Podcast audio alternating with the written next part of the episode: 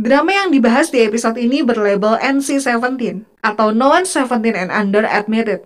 Drama ini mengandung adegan kekerasan, nudity, dan violence. Tidak layak ditonton oleh remaja berusia di bawah 21 tahun.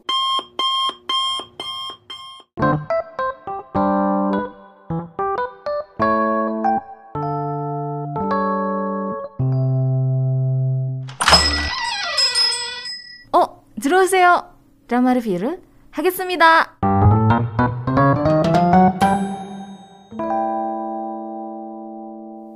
Drama Somebody. Ini tuh jadi salah satu drama di list aku. Karena ini tuh debutnya Kim Yong Kwang sebagai psikopat, ya. Aku suka sama Kim Yong Kwang, acting dia tuh bagus-bagus banget. Terus uh, aku juga suka genre film atau drama yang thriller, yang crime gitu. Jadi ini tuh satu hal yang Kim Yong Kwang sebagai psikopat satu hal yang sangat menarik sekali makanya drama ini tuh masuk ke list aku. Sebelumnya, Kim Yong Kwang itu pernah main di drama Lookout. Vibes-nya di drama itu keren banget, guys. Cuman memang di Lookout itu dia nggak jadi psikopat ya. Dia tuh jadi seseorang yang pura-pura bodoh. Padahal sebenarnya dia tuh dalang dari sebuah aksi balas dendam yang lumayan kejam gitu. Filmnya udah lama sih sebenarnya Lookout ini. Cuman ya, walaupun memang drama Samba dimasuk ke list aku, setelah nonton kalau buat aku ya ini tuh drama terburuk di tahun 2022 Kenapa?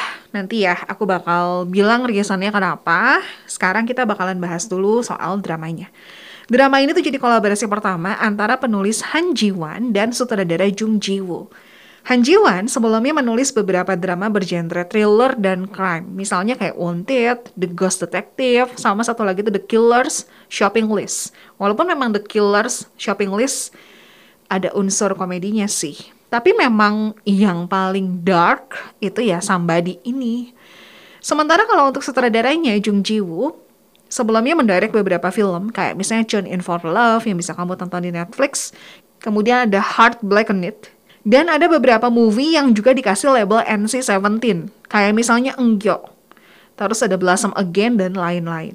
Nah, yang menarik adalah Jung Ji bilang gitu di salah satu wawancara dia bilang kalau dari dulu tuh dia pengen banget bikin film yang vulgar banget.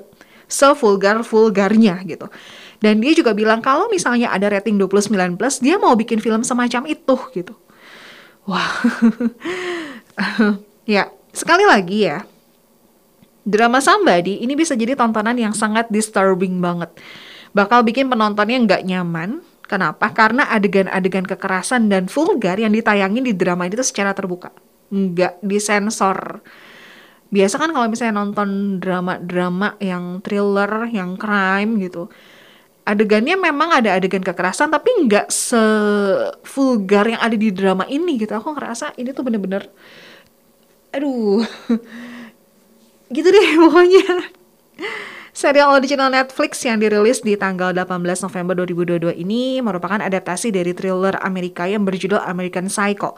Cuman aku memang belum nonton uh, series aslinya dan nggak tertarik untuk nonton sih sejujurnya. Dengan total 8 episode, drama ini tuh nyeritain tentang seorang gadis yang mengidap sindrom Asperger. Ini adalah gangguan perkembangan mental dan syaraf yang tergolong dalam gangguan spektrum autisme. Beberapa drama Korea sebenarnya juga pernah mengangkat cerita tentang tokoh yang mengidap sindrom Asperger. Misalnya nih kayak drama Move to Heaven dari Netflix atau yang belakangan terkenal banget itu Extraordinary Attorney Woo. Ini juga bisa ditonton di Netflix. Itu juga sama-sama nyeritain tentang tokoh yang mengidap sindrom Asperger. Oke, okay, um, di drama Somebody ada seorang gadis namanya Kim Sam yang diperanin sama Kang Hel Lim dia tuh seorang pengembang aplikasi berbasis AI. Nah awalnya dia bikin aplikasi ini tuh dengan tujuan membantu para introvert termasuk dirinya. Dan menariknya di drama ini tuh dibahas tentang introvert yang ada di dalam grup chat. Dan ini aku relate banget sih. Pas nonton tuh aku ngerasa iya bener gitu. Jadi bagaimana para introvert ini berusaha untuk menuliskan sesuatu di grup chat. ya. Tapi mereka tuh selalu tulis hapus. Tulis hapus. Nah, kenapa mereka tulis hapus tulis hapus gitu? Kenapa nggak tulis enter gitu terus send? Karena mereka tuh kepikiran kalau ngirim kalimat ini nanti orang-orang di grup bakalan gimana ya? bakalan kesinggung nggak ya atau bakal mikir yang enggak enggak nggak ya atau mereka bakal bakal gini nggak ya bakal gitu jadi overthinking jadi udah ngetik hapus, udah ngetik hapus, udah ngetik dipikirin hapus. Ya terus ujung-ujungnya nggak ngirim apa-apa gitu. Nah, aplikasi yang dibuat sama Sam ini diceritain bisa menyuarakan isi hati para introvert. Sam itu pinter banget. Dia jago banget ngotak-ngatik coding games. Bahkan ya waktu SMA aja dia tuh udah bisa bikin sistem untuk pachinko Pachinko tuh mesin judi Korea yang udah ada filmnya juga tuh yang dimintangin sama Kim Tan. ya, oke okay, balik lagi. Sampai satu kali Kim Sam itu ikutan pekan raya ilmiah remaja, ngenalin karyanya yang dia kasih nama Samwan.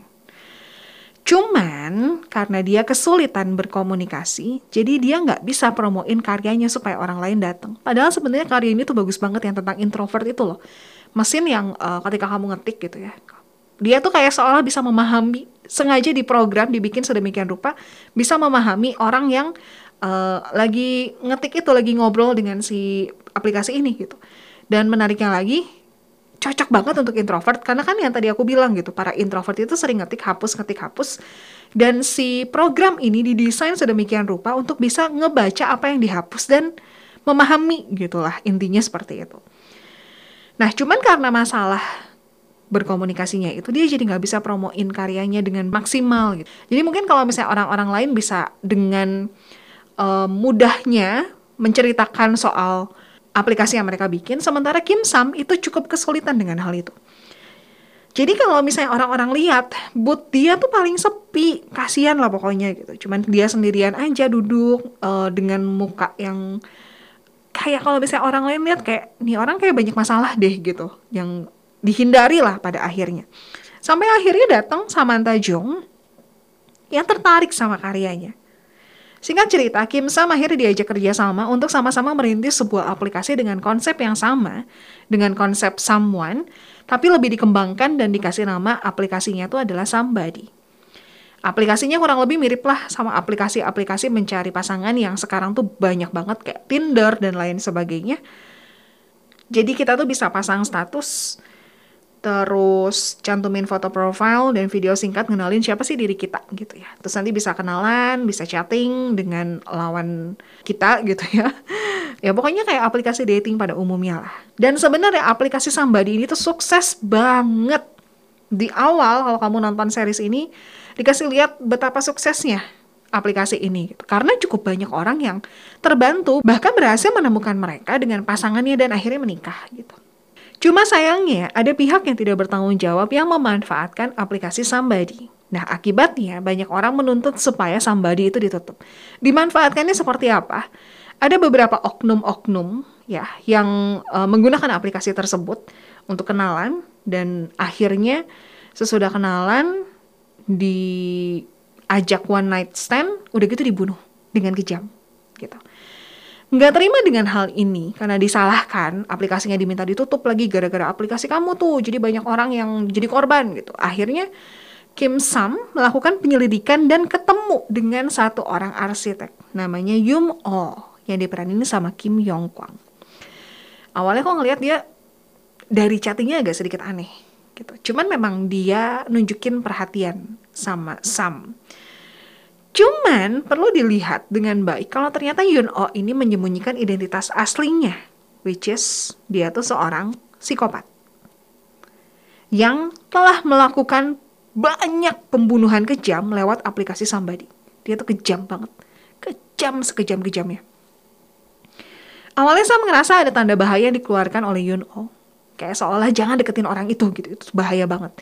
Tapi di sisi lain, Sam itu menemukan kenyamanan sama Yun Oh. Kenapa? Karena di antara sekian banyak orang, cuma Yun Oh yang bisa memahami dia. Sebagai seseorang yang memiliki keterbatasan dalam hal berkomunikasi, Sam itu nggak bisa mengungkapkan perasaannya, emosinya, atau hal-hal yang pengen dia sampaikan ke orang lain. Dia sulit dengan hal itu. Bahkan sama teman-temannya sekalipun dia sulit gitu. Tapi sama Yun Oh, dia tuh bisa menemukan kenyamanan. Karena Yun Oh tuh bisa ngerti dan paham gitu. Dan bikin Sam ngerasa kalau dia tuh nggak sendirian di dunia ini. Karena selama ini kan dia ngerasa nggak ada orang yang bisa paham dia. Ketemu Yun Oh wah ternyata ada loh orang yang bisa ngerti sefrekuensi lah gitu. Um, tadi sempat di-mention kalau Sam itu punya teman, ya, dua orang aja. Teman baiknya dia. Ya walaupun pas nonton agak sedikit ragu sih sebenarnya ini tuh temenan beneran atau malah musuh yang udah lama nggak ketemu sih gitu. Komunikasi mereka tuh aneh banget. Jadi aku ngerasa ini temenan atau bukan ya gitu. Aneh lah pokoknya. Dua temannya ini tuh namanya Im Mok Won yang diperanin sama Kim Yong Ji. Dia tuh seorang dukun sama satu lagi itu ada Yong Gi Eun yang diperanin sama Kim Soo Yeon. Ini seorang detektif polisi yang mengalami sesuatu sampai akhirnya dia lumpuh. Jadi dia uh, pakai kursi roda gitu. Di sisi lain, Yun Oh tertarik menjadikan Sam sebagai korban berikutnya. Serem ya. Ngeri emang Yun Oh tuh. Ya walaupun memang drama ini masuk ke top 3 Netflix di Indonesia, dari awal-awal perilisannya tapi drama ini tuh tetap dapat rating yang buruk dengan review yang mengecewakan. Aku nggak pernah baca review positif dari drama ini. Setiap kali aku baca um, artikel atau aku lihat di media sosial, pasti ratingnya tuh jelek dan reviewnya tuh juga jelek gitu. Series ini dark banget, dark banget. Acting Kim Yong Kwangnya sih bagus, dia sukses keluar dari zona drama romance yang selama ini dia lakonin ya. Kim Yong Kwang debut di drama World Sweetin di tahun 2008. Um, aku baru nonton drama-dramanya Kim Yong Kwang itu dimulai dari My Fair Lady, terus dia ada juga di Love Friend, cuma belum gitu ngeh gitu. Baru bener-bener tahu Kim Yong Kwang dengan aktingnya yang jago itu di drama Pinocchio. Dia jadi second lead kan di sana.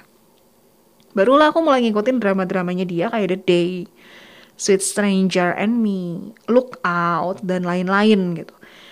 Dan di tahun 2023 ini juga dia bakalan ada project drama bareng sama Lee Sung Kyung, judulnya tuh Call It Love yang bakalan tayang di Disney Plus Hotstar. Nah, Somebody ini jadi debut dia acting sebagai psikopat. Dan bagus banget sebenarnya actingnya bagus banget. Dapat gitu sisi psikopatnya tuh. Senyum senyum yang bikin penontonnya jadi merinding itu tuh dapat banget. Gitu dia senyum tuh aku kayak ih ini orang ih ih gitu loh. Nonton itu sampai kayak gitu. Kang Hel Lim yang peranin Sam juga itu aktingnya bagus sebenarnya. Padahal ini tuh drama keduanya dia loh. Terus kenapa? Ratingnya jelek banget.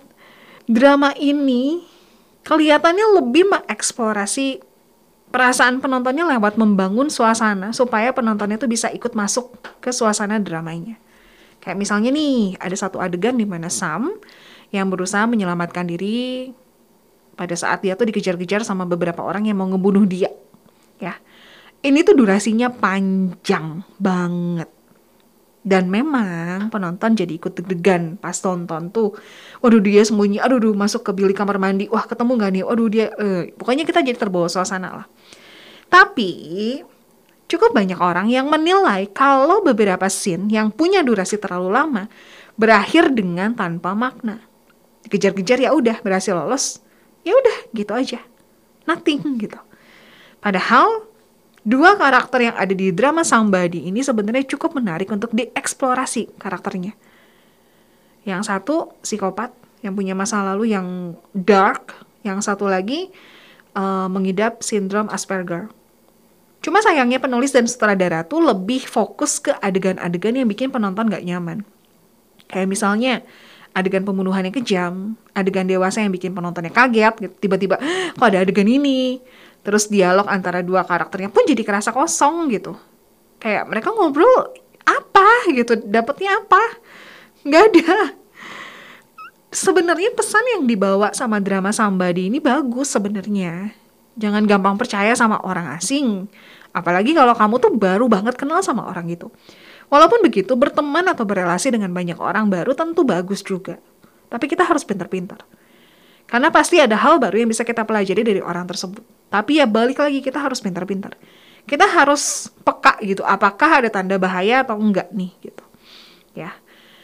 Terus another things yang diangkat di drama ini yang sebenarnya bagus adalah stop menyalahkan masa lalu. Bahkan menjadikan itu alasan untuk bisa kita berlaku kriminal gitu. Soalnya cukup banyak ya kasus kejahatan yang terjadi. Terus pelakunya bilang alasan dia ngelakuin itu karena dia punya masa kecil yang buruk. Lahir dari keluarga broken home, dulunya disiksa sama orang tuanya, dan lain sebagainya. Masa lalu memang nggak bisa kita ubah dan kalau ngomongin soal keluarga juga kita nggak bisa pilih gitu kita mau lahir dari keluarga mana tapi kita punya pilihan mau jadi pribadi seperti apa sekarang apakah kita mau berkutat dengan masa lalu yang menyakitkan itu menyalahkan masa lalu dan bikin kita jadi seseorang yang jahat atau kita mau mengambil pilihan dan tanggung jawab menjadi orang yang lebih baik gitu daripada masa lalu kita itu. So far aku ngerasa nonton drama ini nggak dapat apa-apa sih. Jadi kalau misalnya ditanya better nonton dramanya atau enggak? Enggak. Jarang ya aku bikin review drama kayak gini loh. Se se apa ya? Se seenggak bagusnya menurut aku tapi aku masih ya kalau mau nonton cocok untuk ditonton yang um, dengan segmented gitu misalnya tapi untuk drama ini enggak sama sekali tidak sama sekali aku aja habis nonton drama ini ya aku beresin sekali nonton episode 1 nonton oke okay. episode 2 oke okay, 3 ini apa sih? 4, 5, 6, 7, 8 gitu. Beres nonton terus aku kayak pernah gak sih kamu nonton drama? Beres nonton terus kamu ngerasa kayak Hah nonton apa sih? Balikin 8 jam aku gitu. 8 episode kan kurang lebih ya 8 kali satu jam lah kan 50 ya kurang lebih 8 jam. Aku ngerasa kayak gitu loh. Abis nonton tuh kayak Hah apa sih ini drama? Segitunya? Gitu. Karena memang um, Eksplorasi karakternya kurang Lebih ngutamain ke adegan-adegan yang bikin kita sebagai penonton tuh gak nyaman gitu apalagi kan memang sekarang kalau misalnya kamu perhatiin drama-drama Korea atau film-film Korea memang lebih berani uh, mengeksplorasi adegan-adegan yang berbau kekerasan, nudity ataupun violence. Uh, apalagi kalau platformnya itu Netflix, uh, itu adegannya lebih banyak kok aku perhatiin ya. Cuma sekarang kalau kayak adegan kekerasan Disney Plus atau Prime Video juga ada sih beberapa gitu yang ngeluarin yang bahkan aku sampai kaget kan. Aku lupa di drama apa aku nonton terus aku sampai kaget nah ini tuh drama Netflix. Oh ternyata Disney Plus gitu. Tapi kok bisa ngeluarin adegan-adegan kayak gini ya gitu? Karena biasa Netflix kan yang berani ngeluarin gitu. Sementara kalau adegan-adegannya dewasa um, ya lebih Netflix sih Disney Plus. Aku belum menemukan. Um, Prime Video juga. Kayaknya belum. Netflix yang lebih berani gitu. Jadi ya so far aku nonton drama ini enggak sih nggak recommended. Jujur beneran nggak recommended. Sayang. Gitu. Jadi nontonlah drama lain jangan drama ini. Cuma kalau misalnya memang kamu penasaran memang sejelek apa sih ya boleh. Cuman aku udah wanti-wanti ya. Drama ini tuh mengandung banyak banget adegan kekerasan, uh, violence, nudity, ada banyak adegan uh, seks juga di sana. Adegan kekerasannya pun nggak disensor. Jadi mungkin ketika nonton kamu bakalan ngerasa sangat amat terganggu dan gak nyaman. Ya, gitu deh pokoknya. Jadi ya ini adalah drama terburuk di tahun 2022. Kalau buat aku ya. Thank you.